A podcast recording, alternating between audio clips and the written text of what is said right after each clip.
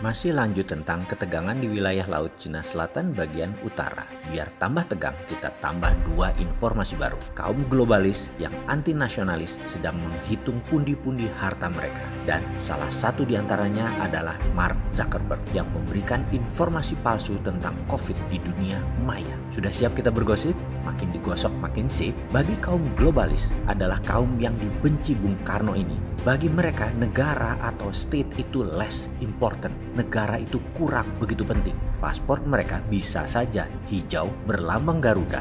Tinggal mereka, rumah mereka di Singapura, pabrik mereka di Australia, bisnis mereka ke Tiongkok, bank mereka di Cayman Island, kantor pusat mereka di London, investor mereka di New York. Mereka tidak punya nasionalisme.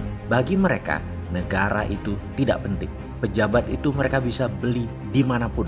Peraturan negara bisa mereka bayar untuk kepentingan mereka. Yang mereka butuh adalah penekan, alat tekan. Dan saat ini alat tekannya adalah COVID-19. Fakta data dari Goldman Sachs terbaru menyatakan bahwa akhir 2022 corona tidak bisa hilang dari muka bumi dan hampir di setiap negara hal itu masih menjadi pandemi. Dunia bisa menjadi depresi. Ini kode keras bumi. Goldman Sachs adalah bagian dari The Have, bagian dari Bilderberg.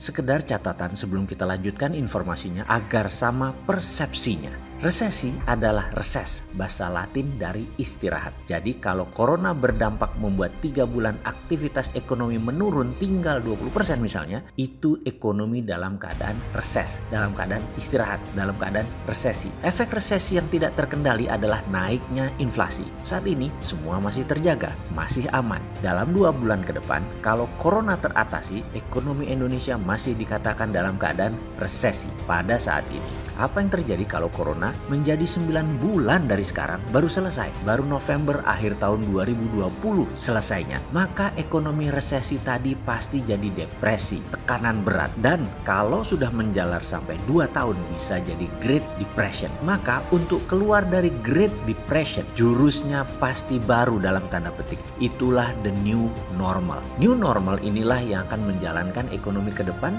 sehingga ketemu resesi lagi, depresi lagi, dan begitu seterusnya dan masa itu biasanya 100 tahun lagi setelah new normal tercipta. New normal hadir karena decoupling, keterlepasan dari masa lalu dan harus lepas. Maka itu berkali-kali saya tanyakan kepada sahabat, saat ini nih resesi atau decoupling? Jawab itu. Kaum optimistik non realistik inginnya corona ini efeknya hanya resesi, setelah itu main lagi, normal lagi, normal yang lama karena mereka sudah tahu bagaimana memainkannya kaum globalis nggak peduli mau resesi, mau hyperinflasi, mau Great Depression, mereka siap. Mereka punya skenario the new normal dalam keadaan apa pun. Hanya new normal mereka kalau pakai decoupling, pakai Great Depression, mereka bisa pegang kendali dan lebih mudah mereka megang kendalinya dan sekali lagi lebih cepat mereka ingin lakukan untuk mengendalikan ini semua. Walaupun kasualtis korban corona bisa sampai 30 juta manusia di dunia ini,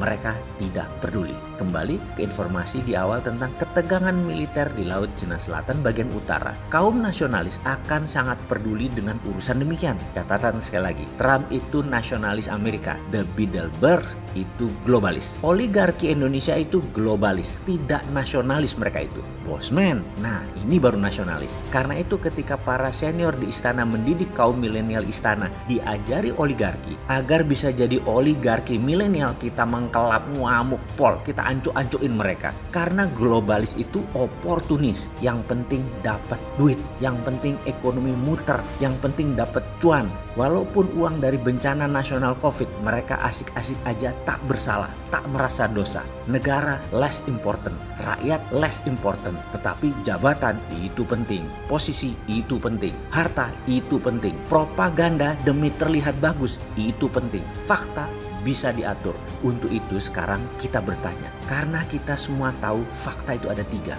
Fakta dari sisi kamu, fakta dari sisi saya, dan fakta dari sisi kebenaran. Sekarang pertanyaannya, fakta mana yang kalian tampakkan?